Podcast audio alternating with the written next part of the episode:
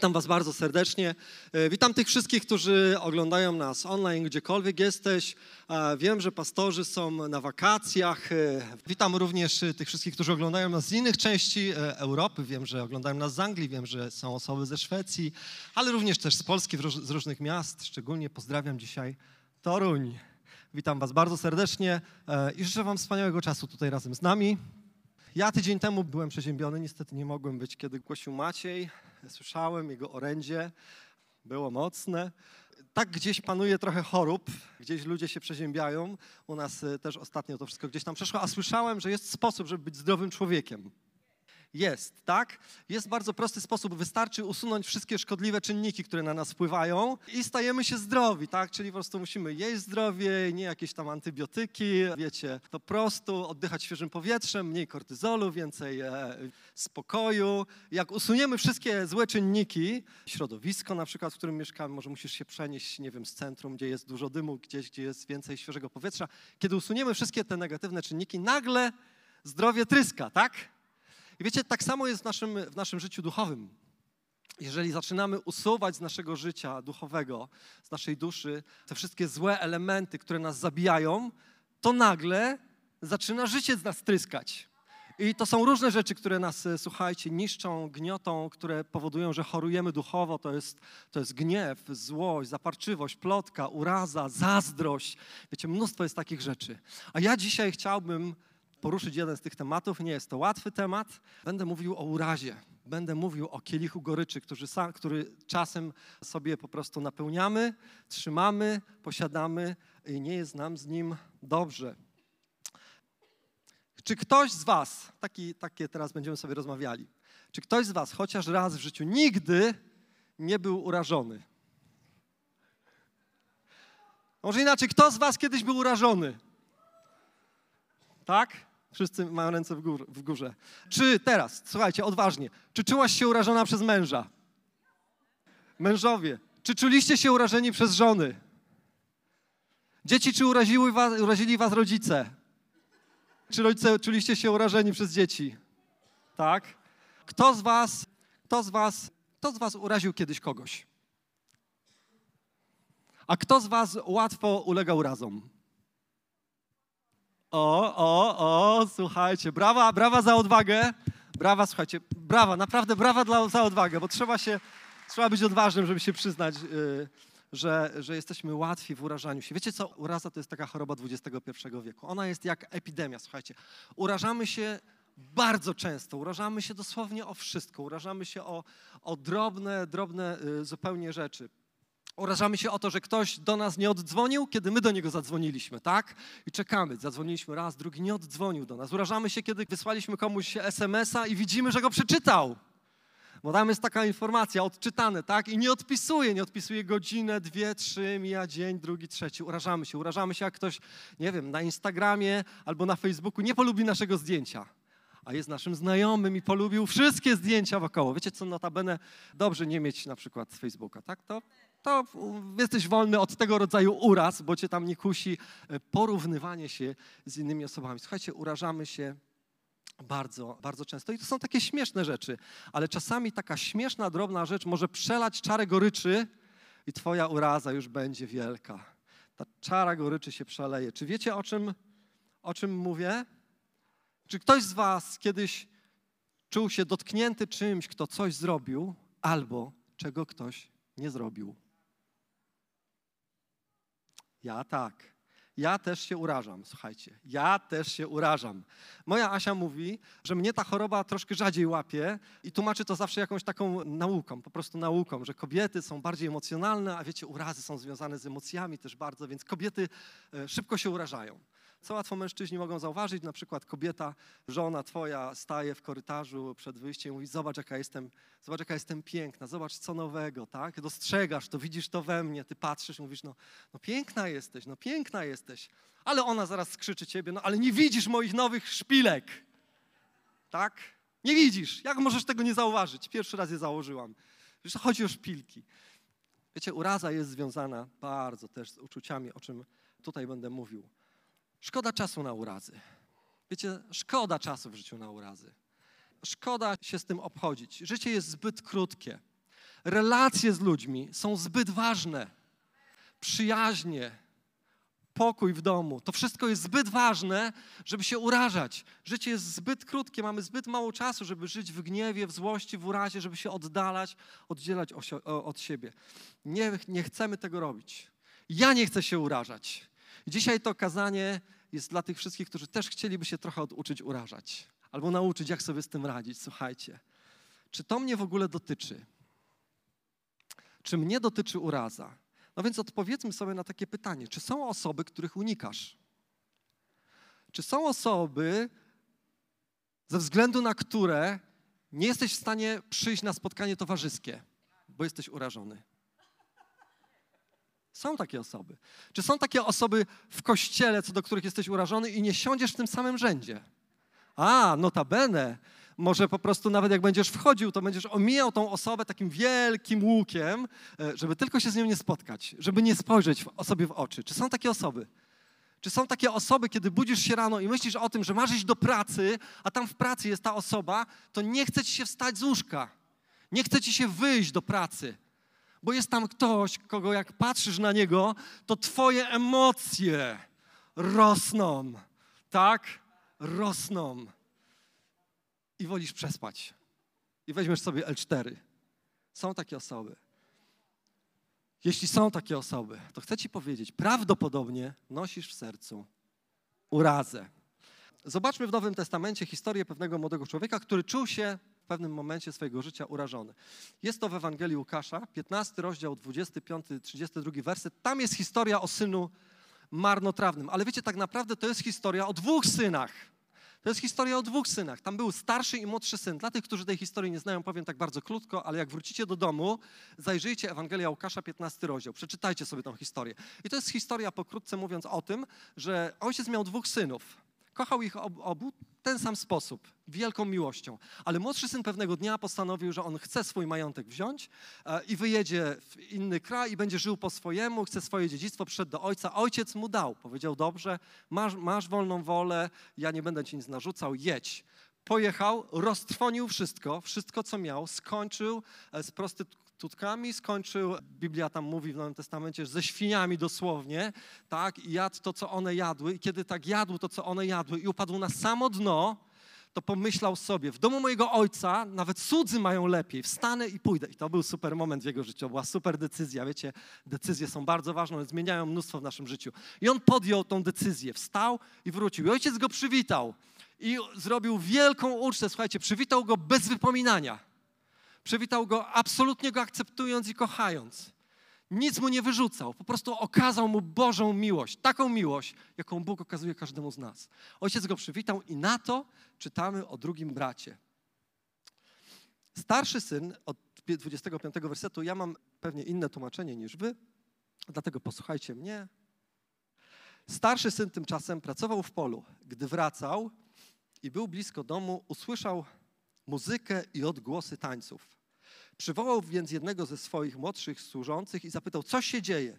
Wrócił twój brat, usłyszał. Twój ojciec kazał zabić dorodne ciele i cieszy się, że odzyskał go zdrowego. Starszy syn wpadł w gniew. Nawet nie chciał wejść do domu. Wtedy ojciec wyszedł i zaczął go uspokajać, ale on był nieprzejednany.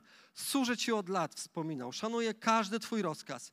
I ty nigdy, znacie to? nigdy, nigdy nie dałeś mi e, choćby koźlątka, bym się zabawił z przyjaciółmi. Ledwie jednak zjawił się ten twój syn. ten twój syn, który z dziwkami roztrwonił twój dorobek, natychmiast kazałeś zabić dorodnego cielca. Wtedy ojciec powiedział do niego, dziecko, ty jesteś zawsze ze mną i wszystko moje jest twoje. To dobrze, że bawimy się i cieszymy się, bo widzisz, ten twój brat był martwy, a jednak ożył. Był zgubiony, lecz odnalazł się. Słuchajcie, jak czytamy tą historię, to oburzamy się na niego, tak? Kto z was sobie myśli, ja bym tak nie zrobił, ja bym tak nie postąpił, ja bym też przywitał. No właśnie, często tak mówimy, ja bym zrobił inaczej, ale życie pokazuje swoje. Słuchajcie, starszy syn oburzył się, odmówił udziału w uczcie. Nie chciał się cieszyć, nie chciał wejść do domu, nie chciał się cieszyć razem z ojcem. Miał żal do ojca, był rozgniewany na ojca, był rozgoryczony na ojca. I myślę, że miał w swoim sercu urazę. Zrodziła się w jego sercu uraza. Zrodziła się w jego sercu gorycz, pojawiła się w jego sercu gorycz. Wiecie, gorycz, nie wiem jak wam się kojarzy gorycz. Mało jemy takich rzeczy, które mają goryczkę, prawda? E, nie wiem, piołun, oj, próbował ktoś kiedyś, e, okropne. Ale żółć, a, gorycz, tak? Gorycz. Aniu, poproszę ciebie na moment. Tak, to jest moja młodsza córka. E, przywitajcie Anię. Ania dzisiaj ma tutaj ważne zadanie. Chciałem, żebyś tak e, stanęła e, twarzą. Ja teraz, moja kochana, napełnię, napełnię twój kielich goryczą. O, masz tą gorycz, tak? Wyciągnij trochę bardziej rękę do przodu i siedź sobie z tą goryczą, albo stój, stój sobie z tą goryczą. Zobaczymy, jak ta gorycz będzie na nią wpływała. Poczekamy trochę. Ale wróćmy do, do Łukasza. Jaka była jego reakcja? Czytamy w 28 wersecie. Rozgniewało to starszego brata i nie chciał wejść do domu. Bardzo się rozgniewał. Uraza ma swój początek w uczuciach. Widzisz, to, co ludzie będą ranić w tobie, to będą ranić twoje uczucia. Oni będą dotykać twoich uczuć i twoje uczucia będą wybuchać. Tak jak wybuchły uczucia w sercu starszego brata. Uczucia są tym, co bardzo steruje naszym życiem. Zauważyliście to? Czy e, pod wpływem emocji i uczuć podejmujecie decyzje?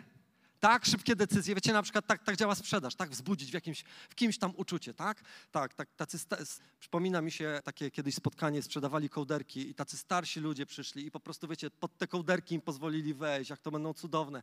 Te kołderki kosztowały 4 tysiące, pod wpływem emocji zaciągnęli kredyt. Wiecie, my podejmujemy mnóstwo decyzji pod wpływem uczuć. Ostatnio widziałem na, na Instagramie, Instagrama mam, na Instagramie widziałem ta, takie rysuneczki. E, patrzy sobie kobieta w telefon e, i mówi tak, o, jakie piękne buty. Nie wiem, co z tymi butami tak dzisiaj. Jakie piękne buty. O, ile kosztują. O, kliknęło mi się. Wiecie, my My mnóstwo razy w życiu podejmujemy decyzje, prawie zawsze, pod wpływem emocji i uczuć. Ale uczucia i emocje nie są najlepszym doradcą. Bo wiecie, bo uczucia nagle wybuchają, ale tak samo jak wybuchają, no, szybciej wybuchają, potrzebują trochę, trochę ochłonąć, trochę się wyciszyć. Dobrze jest podejmować decyzje, kiedy one się wyciszą. Nigdy, kiedy one są tam na szczycie. Na szczycie jesteś emocji, tak? A on był na szczycie emocji, przyszedł do ojca i powiedział: Nie, nie, nie podoba mi się to, co tam się dzieje. I, wiecie, kiedy, kiedy pojawia się w sercu uraza, to ona też jest takim wynikiem, jak u tego brata, często porównywania siebie z innymi ludźmi.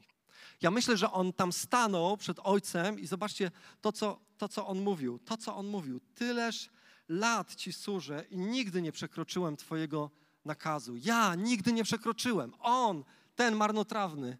Jak tam ci Ania idzie z goryczą? Powtórz. Ciężko. Gorycz jest ciężka, słuchajcie. Z goryczą jest ciężko. Tak, Aniu? No jeszcze musisz niestety z tą goryczą trochę tutaj y, spędzić czasu. No nie, możesz ją lekko opuścić tylko, ale no niestety musisz ją trzymać w swojej dłoni, bo sama ją sobie zgotowałaś. Słuchajcie, uraza i porównywanie. Starszy brat popatrzał na siebie i powiedział, no ja cały czas ci służę.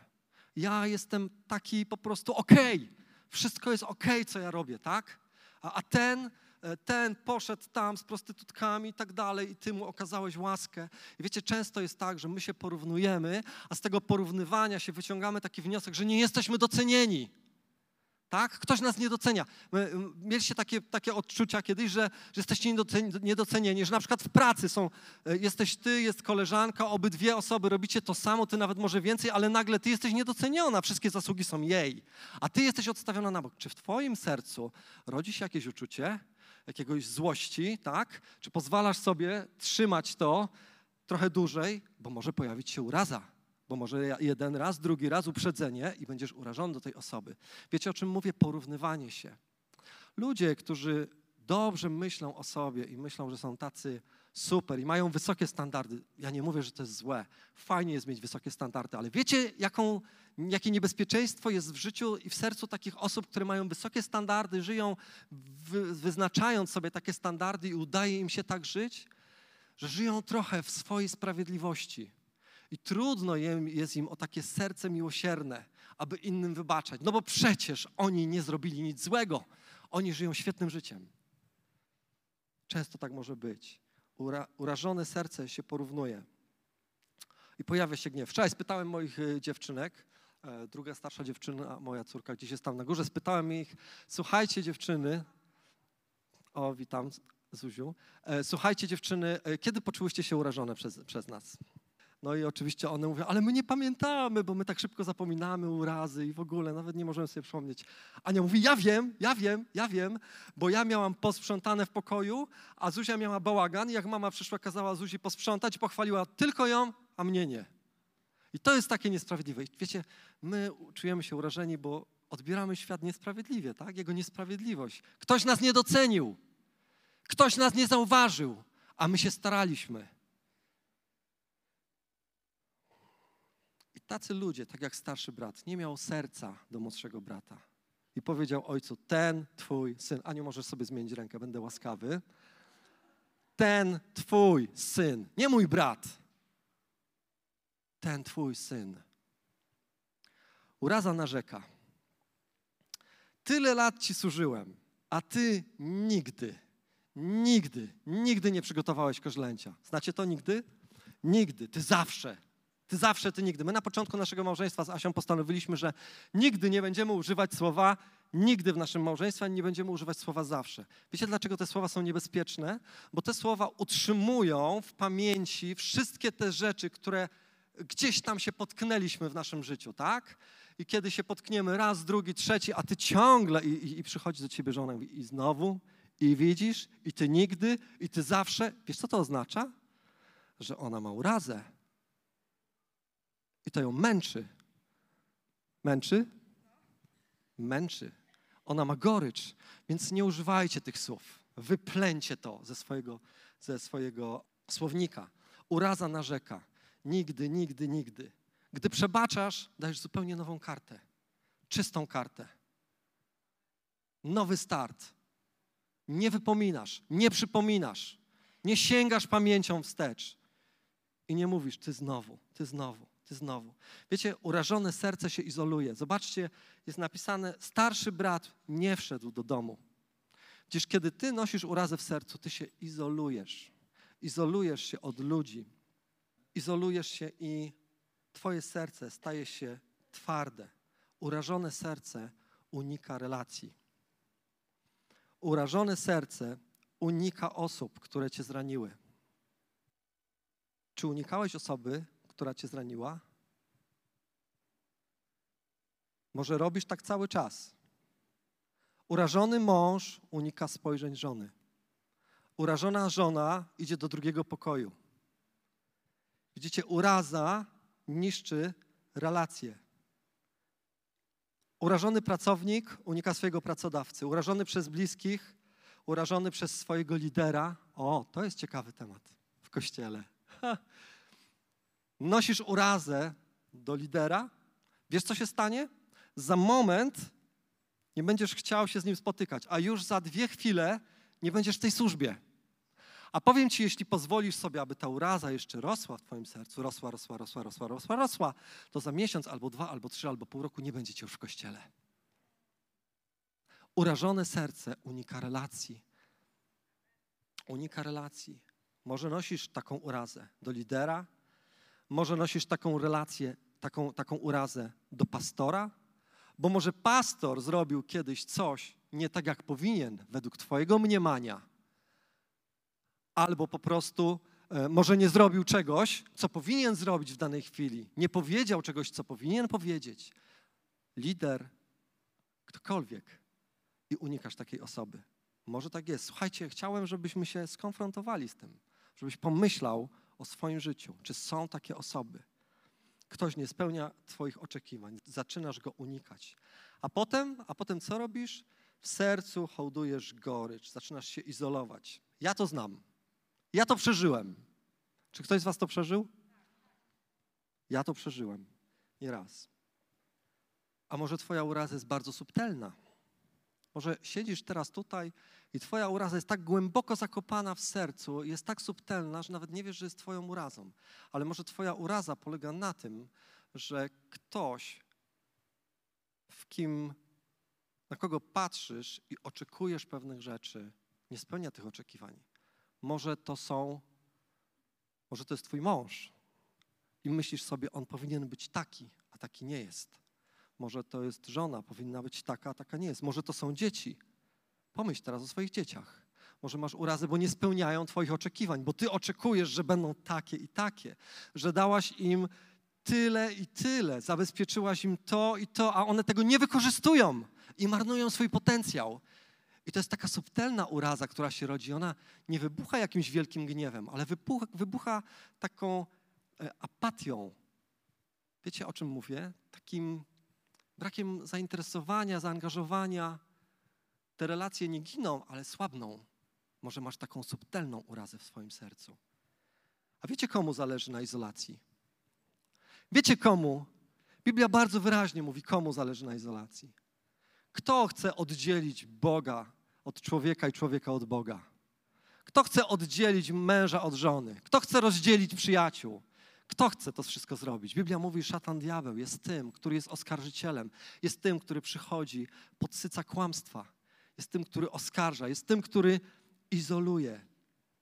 Aniu, jeszcze sekunda, dasz radę, spróbuj, podtrzymaj trochę tej urazy, zobaczysz, jak to jest w życiu.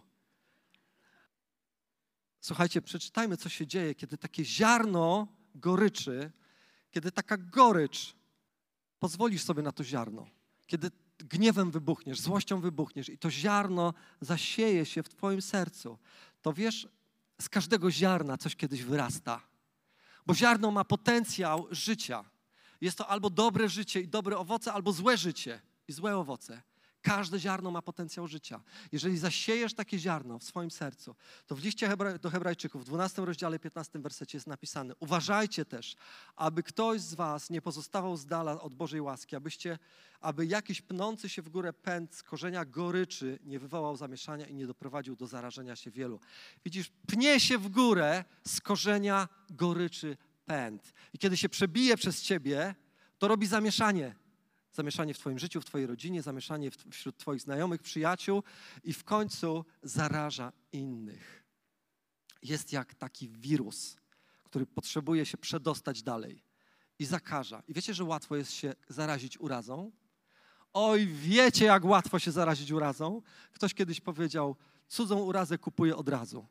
Bardzo mi się to podobało. Jak ktoś nas tam ze Szwecji ogląda, to, to taki nasz przyjaciel kiedyś tak powiedział. I to jest prawda kupujemy. Wystarczy, że jesteś lekko urażony, bo ktoś nie odpisał po prostu na twojego SMS-a, a potem ktoś inny wylewa swoją urazę właśnie na tamtą osobę. Wiesz, jak łatwo kupić taką urazę?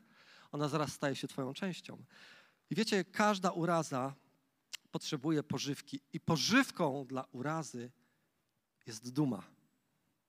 Pożywką dla urazy jest ego pożywką dla urazy jest myślenie o tym, jak ja jestem ok, jestem sprawiedliwy, jak jestem super. To jest pożywka, tak jak on tak może, przecież ja, przecież ja, przecież wiesz, kiedy stawiasz to ja, kiedy stawiasz siebie pierwszym, a ludzi dalej, to to jest pożywka dla urazy.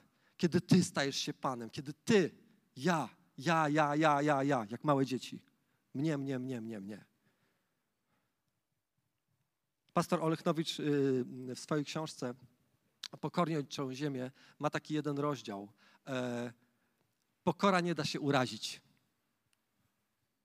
Zachęcam, przeczytajcie. Pokora nie da się urazić. To, co się w tobie uraża, to uraża się twoja duma, tak? To urażają się twoje emocje, twoje ego. To się w tobie uraża. Pokora nie da się urazić. Uraza pozbawia nas życia. Powiem ci tak, jeśli trzymasz urazę minutę, to w ogóle tego nie czujesz ale trzymaj to pół dnia. To wiesz, co się stanie, zacznie dziać, jak taką gorycz będziesz miała pół dnia, będziesz miał pół dnia? Zaczniesz się na niej skupiać. Zaczniesz o niej myśleć. Już nie będziesz myślał, myślała o czymkolwiek innym dookoła, ale będziesz myśleć o tej szklance, którą masz w dłoni, o tej kielichu goryczy, który masz. A kiedy minąłby dzień albo dwa i musiałabyś to dalej trzymać i chciałabyś to dalej trzymać, to nagle przestajesz funkcjonować. Nagle twoje ręce opadają, nagle odchodzi z ciebie życie, nagle przestajesz być tym, kim powinnaś być przestajesz robić to, co powinnaś robić, bo uraza, gniew i gorycz niszczy ciebie. Amen? Porzućmy urazę. Więc teraz tak szybko. Jak sobie poradzić z urazami? Słuchajcie, robiliście rachunki krzywd ludziom? Tak? O, kto robi? Kto, kto, kto ma taką zdolność? Rachunek krzywd. Zrobił mi to, zrobił mi to, zrobił tamto, on to, on to, on tamto i ciągle i sobie wracasz głową do tyłu i jak ci coś zrobi, to sobie przypominasz. Albo jak ona ci coś zrobi, przypominasz sobie, prowadzimy rachunki krzywd. A czytamy w liście do Koryntian, 13 rozdziale, o tym, jaka jest miłość. E, od czwartego do ósmego wersetu. Miłość czeka cierpliwie, miłość postępuje uprzejmie, nie zazdrości, miłość się nie wynosi, nie jest nadęta, nie postęp, postępuje taktownie, nie szuka własnej korzyści, nie jest porywcza, nie prowadzi rachunku krzywd, nie cieszy się z niesprawiedliwości, lecz dzieli radość z prawdy. Wszystko zakrywa, wszystkiemu wierzy, we wszystkim wiąże nadzieję, wszystko potrafi przetrwać, miłość nigdy nie ustanie. Czy robisz rachunek krzywd, czy wyliczasz komuś, czy zbierasz, tak wiesz, jak do pudełeczka ciągle i tam jest coraz więcej, coraz więcej. Kiedy patrzysz na tą osobę, to przypomina ci się i to, i to, i to, i to, i to, i tamto, i jeszcze sprzed 10 lat i 15 lat. I cały obraz, jaki masz tej osoby, to jest wszystko, co złego zrobiła. Bo nikt się nie chce przyznać. Jedna Basia. Słuchajcie, wyliczasz w głowie. A nie róbmy tego. Miłość tak nie robi. Miłość nie wylicza. Miłość nie prowadzi rachunku krzywd. Biblia mówi, e, że taka właśnie jest miłość. A my powinniśmy, słuchajcie, żeby sobie z tym poradzić, musimy zmienić perspektywę. Musimy zacząć inaczej patrzeć na ludzi. Bo jeśli będziesz patrzeć zawsze na to złe, złe, złe, złe, złe, złe, to taki obraz będziesz miał. Będziesz miała. Zmień perspektywę. Jak nie chcesz żyć w urazie, zmień perspektywę. Zacznij inaczej patrzeć na ludzi. Widzisz, miłość Miłość nie szuka własnej korzyści. Miłość, prawdziwa Boża miłość, taka, którą my powinniśmy nosić, nie skupia się na mnie. Miłość się skupia na drugim człowieku i szukasz w niej to, tego, co jest w nim najlepsze. I widzisz, ty tak naprawdę nie wiesz, ten twój szef w pracy, na, tego, na którego jesteś urażony, ty go widzisz tylko przez 8 godzin, ale czy ty wiesz, jakie on ma życie? Czy ty wiesz, że kiedy wróci do domu, to musi się opiekować chorym, sparaliżowanym dzieckiem? To właśnie wyszedł z, kilku, z kilkumiesięcznej depresji, bo nie mógł sobie poradzić. To jest kłębkiem nerwów, bo jego małżeństwo się rozpada i nie wie, jak wszystko poukładać. Przychodzi do pracy, musi zarządzać ludźmi i kiedy był w takim punkcie słabości, po prostu wybuchł tak, na ciebie całymi swoimi emocjami, a ty przyjęłaś urazę. Widzicie, my rzadko zastanawiamy się, a warto jest zmienić perspektywę i pomyśleć inaczej o ludziach. I wiecie, co miłość robi? Ha, żadna eureka. Miłość usprawiedliwia. Miłość usprawiedliwia. Staraj się znaleźć coś dobrego w tym drugim człowieku. I kiedy robisz ten rachunek krzywd, stop! Nie rób tak. Stop! Wbrew uczuciom, tak? Twoje uczucia buzują, buzują. Ale słuchajcie, miłość nie opiera się na uczuciach. Miłość opiera się na decyzji. Ty decydujesz. Ja decyduję nie będę o tym myśleć, nie będę tak na tą osobę patrzeć, tak? To nic, że ona to zrobiła. To nie ma znaczenia. Może miała zły dzień, może, może wynika z tego, że sama jest zraniona. Może jak wyszła z domu, to pokłóciła się z kimś i teraz po prostu nie może sobie z tym poradzić. Wiecie, miłość usprawiedliwia. Zmień perspektywę. Jest taki, takie zdjęcie, proszę pokażcie. Zobaczcie, ta sama rzecz może wyglądać absolutnie, absolutnie inaczej. Ta sama rzecz z dwóch stron może wyglądać zupełnie inaczej. Dla ciebie będzie to tak, a dla tej drugiej osoby będzie to zupełnie coś innego. Zmień, zmień perspektywę. Zaraza zatruwa nasze życie. I wiecie, co jest ciekawe? Nie mamy żadnego wpływu na osobę, która nas uraziła. Twoja uraza nie zmienia osób, które cię uraziły. Wiesz, co robi ta uraza? Ona zabija ciebie. Ona nic nie zmienia, bo ta osoba, która cię uraziła, ona mogła nawet tego nie zauważyć bo nie ma wglądu w ciebie gdzieś tam w środek. Mogła tego nie zauważyć. I ona idzie dalej i ma świetny dzień, świetnie się bawi, tak? Super dzień. A ty dzień, koniec. Koniec. Nie możesz o niczym innym myśleć, bo skupiasz się cały czas na tej urazie. Nie istnieje dla ciebie nic wokół. Nic, nic innego, tylko ta uraza. Ona nie zmienia, nie zmienia innych i szarga twoimi emocjami i podejmujesz wtedy najgłupsze decyzje. I wiecie, i to są takie decyzje i, i przychodzi zły i mówić tak, to po co ci te relacje? Tak? To po co ci? Możesz, przecież nie musisz, nie musisz się spotykać z tą osobą, nie musisz utrzymywać tych relacji, nie musisz y, chodzić na tą grupę, do tego kościoła. Załóż swój. Rozumiecie? Nie musisz, możesz się wyłączyć z relacji. To jest działanie diabła. Właśnie tak działa diabeł. Przychodzi ci, podszeptuje ci, najlepszym rozwiązaniem jest ucieczka. Najlepszym rozwiązaniem jest ucieczka. A Biblia mówi nie. Najlepszym rozwiązaniem jest przebaczenie. Amen. Widzicie, bo Jezus po to przyszedł, aby pojednać nas z Ojcem, tak? Wiecie, Jezus po to przyszedł, aby nas czegoś nauczyć. Aby nas nauczyć, że mamy budować. On połączył dwóch w jedno, Biblia mówi. On, za, on, on wniósł zgodę pomiędzy nieprzyjaciół. Miłość Jezusa, miłość, która wybacza, miłość, która usuwa e, daje czyste karty. Miłość, która nie kieruje się uczuciami, ale miłość, która jest decyzją. Będę Cię kochał, będę się z Tobą spotykał, będę, zrobię wszystko, żeby odbudować nasze relacje, zrobię wszystko, żeby się dalej z Tobą przyjaźnić, a, bo wiem, że może to był zły dzień, może to był zły dzień, ale jest coś więcej, bo znam Twoje serce, bo znam Cię już 10 lat i wiem, że jesteś dobrym człowiekiem. Wiecie, my innych ludzi oceniamy po tym, co robią, a sami siebie oceniamy po intencjach. A może mieli naprawdę dobre intencje, ale tak wyszło. Bądźmy łaskawi. Pozwólmy sobie na niedoskonałość. Liście do Efezjan, czwarty rozdział, pierwszy i drugi werset jest napisane. Paweł mówi: Zachęcam Was zatem, ja, więzień w Panu, abyście żyli w sposób godny powołania, którego staliście się uczestnikami. Postępujcie z wszelką pokorą i łagodnością, cierpliwie znoście jedni drugich w miłości. Fajny jest ten werset. Mówi, znośmy się w miłości. Tak, cierpliwie, no. Poczekaj jeszcze trochę, on się zmieni. No, znieś go jakoś tak, przejdź nad tym. Tak? Tak, nad tym przejdź po prostu. Przeskocz ten problem. Przejdź nad tym. Nie, nie wchodź w to. Przejdź. ok? Przejdź. Powiedzcie przejdź. Przejdź. Pokażcie ze mną tak. Przejdź. Przejdź. Tak. Przejdź nad tym. Po prostu. Pozwól ludziom na niedoskonałość. Pozwól ludziom na niedoskonałość. E, kochaj ludzi, pomimo, że są niedoskonali. Wiesz dlaczego? Naucz się czegoś od Boga. Bóg cię kocha, bo jesteś niedosko- pomimo tego, że jesteś niedoskonały, tak? A słuchaj, coś więcej chcę ci powiedzieć. Bóg się z tobą chce przyjaźnić i chce mieć z tobą relację pomimo tego, że go zawodzisz. Wiesz, że to mu w ogóle nie przeszkadza w tym, żeby cię kochać? W ogóle. Dlatego, że miłość jest decyzją, miłość nie jest uczuciem, bo gdyby miłość była uczuciem, to Bóg by kochał cię jednego dnia, a drugiego dnia posłałby cię na sąd za to, co robisz, za to, co ja robię.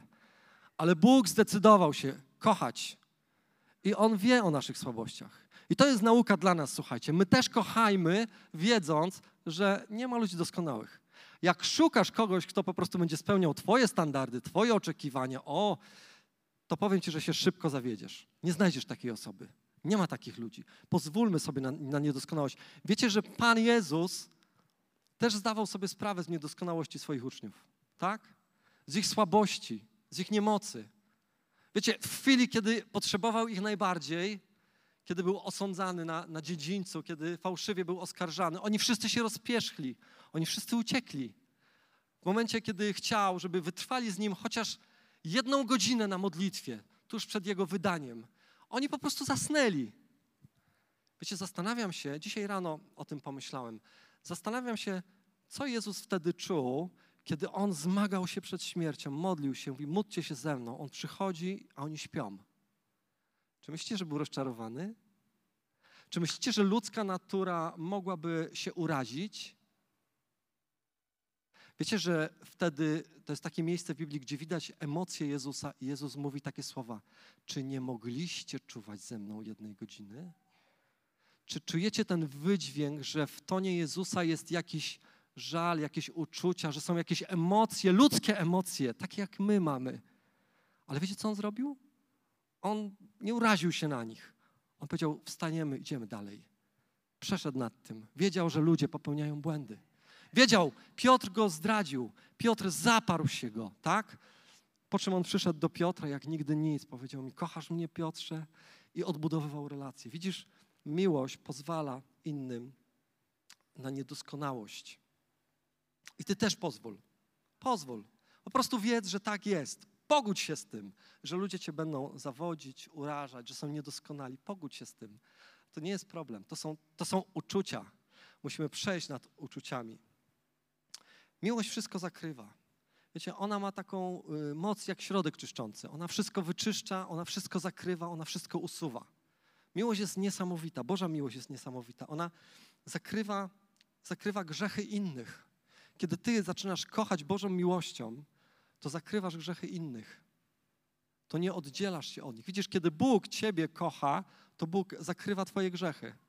Biblia mówi, że nie wspomnę ich więcej. Bóg nigdy nie wypomina, a my takie drobne urazy. A pamiętasz, pamiętasz, co zrobiłeś, pamiętasz, jak, jak. Widzicie, a Boża miłość nigdy nie wypomina. Ona zakrywa. Jest taka historia e, w Starym Testamencie, jak, e, jak Noe się upił i poszedł y, spać do namiotu, zapomniał za, założyć piżamy. I po prostu było ciepło, więc spał tak, jak go Pan Bóg stworzył. I wszedł jeden syn, tak? Wszedł jego syn, jeden syn, zobaczył go nagiego, wyszedł, rozpowiedział to zaraz. I wtedy weszli dwaj synowie. Chyba tak to było. Pozostali synowie weszli. I wiecie, jak weszli? Weszli tyłem. Tyłem weszli, żeby nie patrzeć e, na nagiego ojca i go zakryli. Wiecie, bo miłość zakrywa.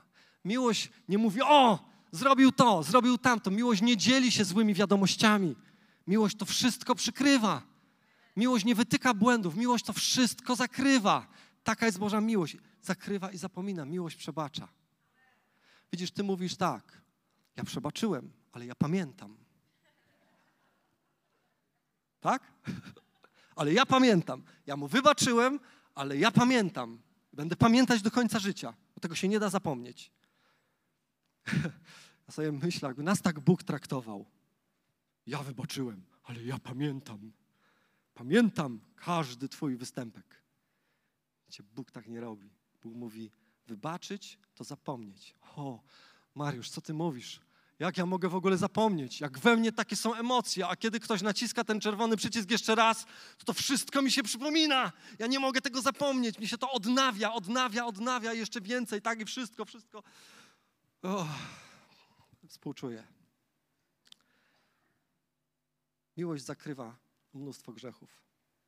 A pamiętacie Józefa? Na pewno. Józefa, jak został sprzedany przez swoich braci. Czy on miał powód do urazy? Oj, słuchajcie, być sprzedanym, o, najpierw chcieli go zabić. Najpierw chcieli zabić swojego brata z zazdrości, tak? Z zazdrości, bo Bóg miał dla niego wspaniały plan. O, zazdrość, wiecie, porównywanie. O, okropne diabelstwo. Chcieli go zabić, ale tam w końcu go nie zabili, tylko wrzucili go do studni, tak? Słuchajcie, młody chłopak, odrzucony przez swoich braci, wszystkich, tak? Wydany, y, wydany potem do Egiptu, w niewolę, w więzieniu spędził czas. I wiecie, co jest niesamowite?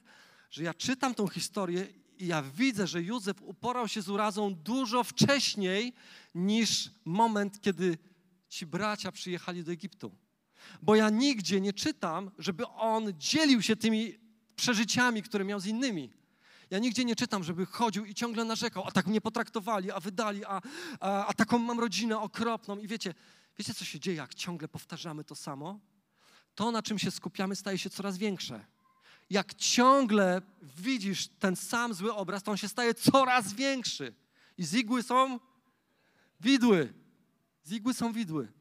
I, I wiecie, i on się nie skupiał na tym, on przebaczył.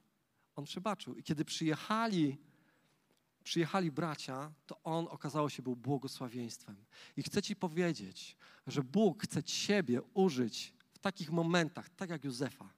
Kiedy ty nauczysz się puszczać urazy i przebaczać, to Bóg przez ciebie będzie przynosił błogosławieństwo do życia innych ludzi.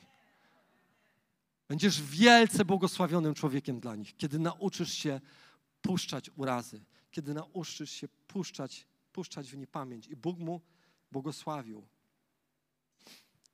O, no tak, Mariusz. fajnie to tak wszystko mówić, ale jak to zrobić, żebym ja po prostu teraz tak y, przestał o tym myśleć? Jak kto mi tak, widzę tą osobę i tam tak ciągle przychodzi do głowy. Jak to zrobić? No więc powiem ci, że no musisz zasadzić coś nowego w swojej głowie. To, to, to, to nie jest tak, że jak coś usuniesz, to nagle tego nie ma. Nawet tak mózg nas, nasz ludzki jest stworzony, że musisz coś, jakiś, nie wiem, nawyk na przykład, zastąpić innym nawykiem, żeby go wyplenić. A, I widzisz, musisz zły obraz zastępować dobrym obrazem, żeby ten zły, żeby go było coraz mniej, a żeby ten dobry ciągle ci się pojawiał. I to jest świadome działanie. To nie przychodzi z powietrza, to przychodzi z Twojej świadomej decyzji. Będę myślał o tym człowieku dobrze, znajdę wszystkie najlepsze rzeczy, jakie o nim mogę, e, mogę dostrzec w nim, mogę zauważyć i będę o tym myślał, ale to nie wszystko, bo Biblia mówi: módlcie się o swoich nieprzyjaciół, tak? Módlcie się o tym, którzy wam złorzeczą. Módlcie się za tych, którzy wam źle robią, tak? Źle czynią. O, jak ja mam się modlić, jak jestem pełna gniewu i złości. Jak, ja, jak w ogóle można się modlić i błogosławić? No widzisz, z przebaczeniem jest tak jak z, z miłością. Ona nie polega na uczuciach, ona polega na decyzji. I chcę Wam powiedzieć, że kiedy podejmujemy Boże decyzje, to co jest zgodne z Bożym Słowem, to nasze uczucia dogonią nasze decyzje. My możemy być ludźmi, którzy są, którzy są miotani naszymi uczuciami w życiu.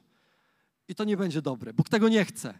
Bóg chce, żebyśmy byli kierowani Bożym Słowem, a nasze uczucia nadążą za tymi emocjami. One kiedyś, kiedyś do, tego, do tego dorosną. A więc módl się, zacznij się modlić. Zacznij się modlić i zacznij błogosławić. E, czytałem taką historię o Teresie. Teresa e, była w wieku około 40 lat. Miała fajną pracę. Naprawdę dobrze zarabiała. Robiła rzeczy, które kocha, do których miała kompetencje, w których naprawdę była dobra. I dostała propozycję zmiany pracy. Dostała propozycję od, nazwijmy go Janka, nie pamiętam jak się nazywał. Dostała propozycję od Janka, którego znała z młodzieńczych lat, aby przeszła do jego firmy. Janek oferował lepsze zarobki, mogła e, robić dokładnie to samo, ale mogła się jeszcze rozwijać w tej pracy i było to naprawdę dla niej takie bardzo kuszące. Było to bardzo kuszące, długo się zastanawiała, czy zmienić pracę, bo wiecie, to nie jest łatwa decyzja w życiu. Dzieliła się z tym ze swoim mężem i podjęli taką decyzję, że zaryzykuje. I zmieniła pracę. Zmieniła pracę i z tej nowej pracy bardzo się cieszyła. Naprawdę spełniała się w tej pracy.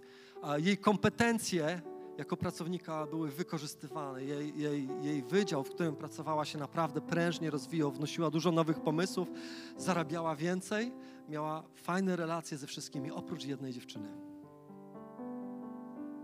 Oprócz jednej Izy. Miała dobre relacje Teresa, oprócz, oprócz jednej Izy. Ta Iza mm, jakoś tak jej nie za bardzo, nie za bardzo, nie za bardzo ją lubiła gdzieś tam za plecami o niej mówiła. Iza w ogóle nie była taką, taką e, ciepłą, relacyjną osobą.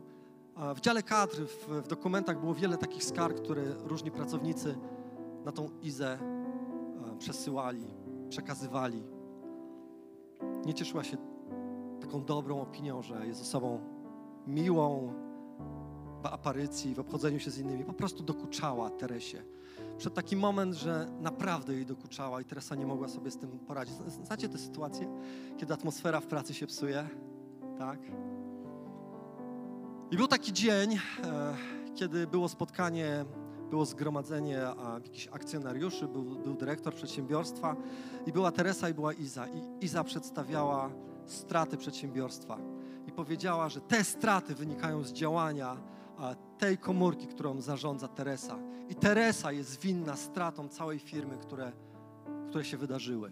I zrzuciła na nią odpowiedzialność za wszystko, za wszystko, co było złe. To było kłamstwo, ale było tak ukartowane, że wydawało się prawdą. Teresa nie wiedziała, co ma zrobić. Na drugi dzień przyszła do pracy, a jej stary przyjaciel, który był jej pracodawcą, jak miał na imię? Janek. Jej stary przyjaciel Janek dał jej wypowiedzenie. Dał jej wypowiedzenie w trybie natychmiastowym. Tak ją zatkało, że nie wiedziała, co ma zrobić. Nawet, nawet nie wiedziała, co ma odpowiedzieć na tą sytuację. Wzięła to wypowiedzenie, poszła do domu i po prostu ją zdruzgotało. Zmiażdżyło ją. Miała ponad 50 lat. Pomyślała sobie, jak tak można? Jak można tak kłamać? Jak można wierzyć w takie kłamstwa? Czuła się rozgniewana, czuła się zła, miała w sercu gorycz do Izy, miała w sercu gorycz do Janka. Jak oni tak mogli? Nie mogła sobie z tym poradzić. Gdzie mnie przyjmą teraz do pracy? Mam 51 lat, zaczynać na nowo w jakiejś firmie. Mogłam nie zmieniać tego, tego miejsca. I wieczorem mąż do niej mówi: Wiesz co, żono, pomódlmy się o nich. I ta modlitwa wyglądała tak. Modlił się oczywiście jej mąż. Panie Boże, błogosław, błogosław Izę, błogosław Janka. A Teresa siedziała z zaciśniętymi zębami i nie mogła sobie z tym poradzić. Wiecie, emocje, tak? Znacie to? Emocje, silne emocje. Ale słuchajcie, modlili się tak co wieczór. I to, co było ciekawe, to Teresa każdego wieczoru zaczynała się coraz bardziej otwierać, żeby ich błogosławić. Do tego stopnia, że w końcu zaczęła się modlić o ich przychylność, o to, żeby Jankowi fajnie się biznes rozwijał, żeby osoba, która jest na jej miejscu, żeby naprawdę przynosiła a, dużo zysków dla tej firmy, żeby Iza zaczęła się zmieniać, żeby Bóg ją błogosławił. Wiecie, zaczęła wypowiadać nad nią dobre słowa, z niej zaczęło płynąć życie w stosunku do tych osób. I z wieczoru na wieczór, z wieczoru na wieczór, Bóg tak zaczął zmieniać jej serce, że w końcu zrobiło jej się żal Izy. Zaczęła jej współczuć i dowiedziała się pewnego dnia, że Iza została zwolniona. I w Bożej miłości, którą miała w swoim sercu, wzięła telefon, zadzwoniła do niej i zaoferowała jej pomoc. Niesamowita historia. Widzisz, kiedy ty inaczej zaczynasz patrzeć na ludzi, kiedy zaczynasz się o nich modlić, to Bóg coś zmienia. Zmienia i w tej osobie, ale chcę Ci powiedzieć, Bóg jest zainteresowany Twoim sercem. Bóg jest zainteresowany Tobą, żebyś żył, żebyś nie nosił goryczy w sercu, żebyś nie nosił uraz w sercu, żebyś nauczył się kochać tak absolutnie, bezwarunkowo. Bo wiecie, kochać to nie znaczy udawać, że nic się nie stało. Stało się, tak? Stało się. Stało się, zabolało, to są czasem straszne rzeczy, to może być czasem zdrada, to, to mogą być okropne rzeczy. Nie tylko błaha, ale i straszne. Ale kochać to wyma wymazać, to wymazać zło z pamięci i nie wspominać. Kochać to jest decyzja. Przebaczać to jest decyzja. A co, jak to mnie ciągle dotyka? O mój Panie, nie chcę nosić urazy, powiesz sobie teraz, tak? Ja nie chcę. Dołączysz do mnie? Nie chcę nosić urazy. Nie chcę nosić urazy w swoim sercu. Jak, się, jak ją pozamiatać? Przebacz. I widzisz, zrób to szybko. zrób to szybko. Niech to się stanie stylem Twojego życia, po prostu. Tak jak, nie wiem, tak jak mycie rano zębów, tak? Codziennie to robisz, po prostu nawet się nie zastanawiasz. Niech to się stanie takim stylem. Budzisz się i ciach, tak? Ktoś Cię urazi, to przebaczasz. Wiem, że to się łatwo mówi, ale kiedyś Piotr przyszedł do do Jezusa i pyta się, Panie, czy mam siedem razy przebaczyć? Tak, bo już sześć razy przebaczył. Wiecie, sześć, wy, wyrachował sobie, sześć razy już przebaczyłem, tak, sześć razy. To jeszcze ten jeden raz mu się chyba należy. No ale jeszcze zapytam Pana Jezusa. Panie Jezu, czy mam siedem razy, siedem, siedem, bo to już będzie absolutny hit po prostu. Jak siódmy raz wybaczę, to w ogóle przerasta moje możliwości, ale jakoś dam radę. Jak Ty mi powiesz, że siedem, to dam radę. Panie, mam siódmy raz wybaczyć? A Pan Jezus co mu powiedział? 77, tak? Wiecie, co to oznaczało? Piotrze, to nie chodzi, to nie chodzi o to, czy 7. To chodzi o to, żebyś cały czas. Chodzi o to, żebyś miał taki styl, tak? Wiecie, ludzie mają swój styl, tak? Mają styl ubierania się, mają styl, nie wiem, czesania się. Miej taki styl przebaczania. To jest styl królewski. Chcę ci powiedzieć. To jest styl Jezusa. To jest styl Ojca. Styl przebaczania. Woo! Chodzę i wybaczam. Chodzę i wybaczam. Chodzę i wybaczam, tak? Styl Jezusa. Miejmy taki styl. Po prostu wybacz. Pomyśl o tym, jak wiele Bóg Ci wybaczył. Pomyśl o tym, że On Ci wybaczył i chce mieć z Tobą relację. I pomyśl o tym, którym wybaczasz. Wybacz i chciej mieć z nimi relację. Nie usuwaj ludzi ze swojego otoczenia. Nie czekaj, na koniec Ci powiem, nie czekaj, drogi bracie, droga siostro, przyjacielu, gościu. Nie czekaj na to słodkie uczucie, które ma się pojawić, żeby przebaczyć. Bo to słodkie uczucie nigdy się nie pojawi. Bo przebaczenie i kochanie to nie jest to słodkie uczucie, bo przebaczenie i kochanie kosztuje. Wiecie, co kosztuje kochanie? Kochanie kosztowało Jezusa krzyż. Przebaczenie kosztowało Jezusa męki. To nie jest tanie, ale powiem Ci, jeśli robisz coś, co jest tak trudne, jeżeli Ty idziesz w ślady Jezusa i robisz coś, co jest tak ciężkie, to chcę Ci powiedzieć, Bóg otwiera niebo i wylewa na Ciebie błogosławieństwo. Amen. Amen. Amen. Chciałem, żebyśmy wstali. Chciałem, żebyśmy wstali teraz. Chciałem, żebyśmy spędzili taki czas, słuchajcie. Nie, nie musimy się spieszyć do domów. Jeszcze mamy 6 minut. Chciałem, żebyśmy mieli taki czas, żebyśmy mieli teraz relację z Bogiem. Tam, gdzie Ty jesteś, żebyśmy teraz mieli relację z Jezusem. Żebyś pomyślał o osobach, których unikasz. Pomyśl o tych, których mijasz. Kiedy spotykasz się z nimi, to Cię boli. Pomyśl o tych osobach. I chcę, żebyś je puścił. Chciałbym, żebyś je oddał. Żebyś je oddał Bogu. Amen? Żebyś je oddał Bogu. Ktokolwiek cię zranił. Może był to przyjaciel, z którym przyjaźniłaś się wiele, wiele lat, a wykręcił ci taki numer. Taki numer, że ty byś tak nie zrobiła. Ale on nie jest doskonały. Pomyśl o tym. I chciałem, żebyśmy zaśpiewali tą piosenkę, którą śpiewaliśmy wcześniej. Żebyśmy ją jeszcze raz zaśpiewali. Kiedy będziemy ją śpiewać, to chciałem, żebyś miał relację z Bogiem. I tak jak w tej piosence jest, poddaję wszystko Tobie, żebyś to poddawał. Żebyś to poddawał. Ok? Jeśli będziesz potrzebować modlitwy, to też będzie czas, że poprosimy Cię na środek będziemy się razem modlić. Bo czasem musisz wyznać, wybaczyć razem z kimś albo komuś. A może jesteś na tym miejscu, jest tu ktoś, na tym miejscu, kto jeden nosi uraz do drugiego.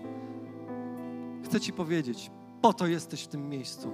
Po to Bóg stworzył Kościół, aby nas jednać, aby nas łączyć. Nie wychodź z tego miejsca niepojednany i niepołączony. Nie wychodź z tego miejsca, nie marnuj niedzieli, nie marnuj chwili. Jeśli jest na tym miejscu ktoś, do kogo czujesz urazę, albo Ty jesteś urażona, idź i porozmawiaj. A schowaj swoją dumę w kieszeń. Schowaj swoje ego w kieszeń.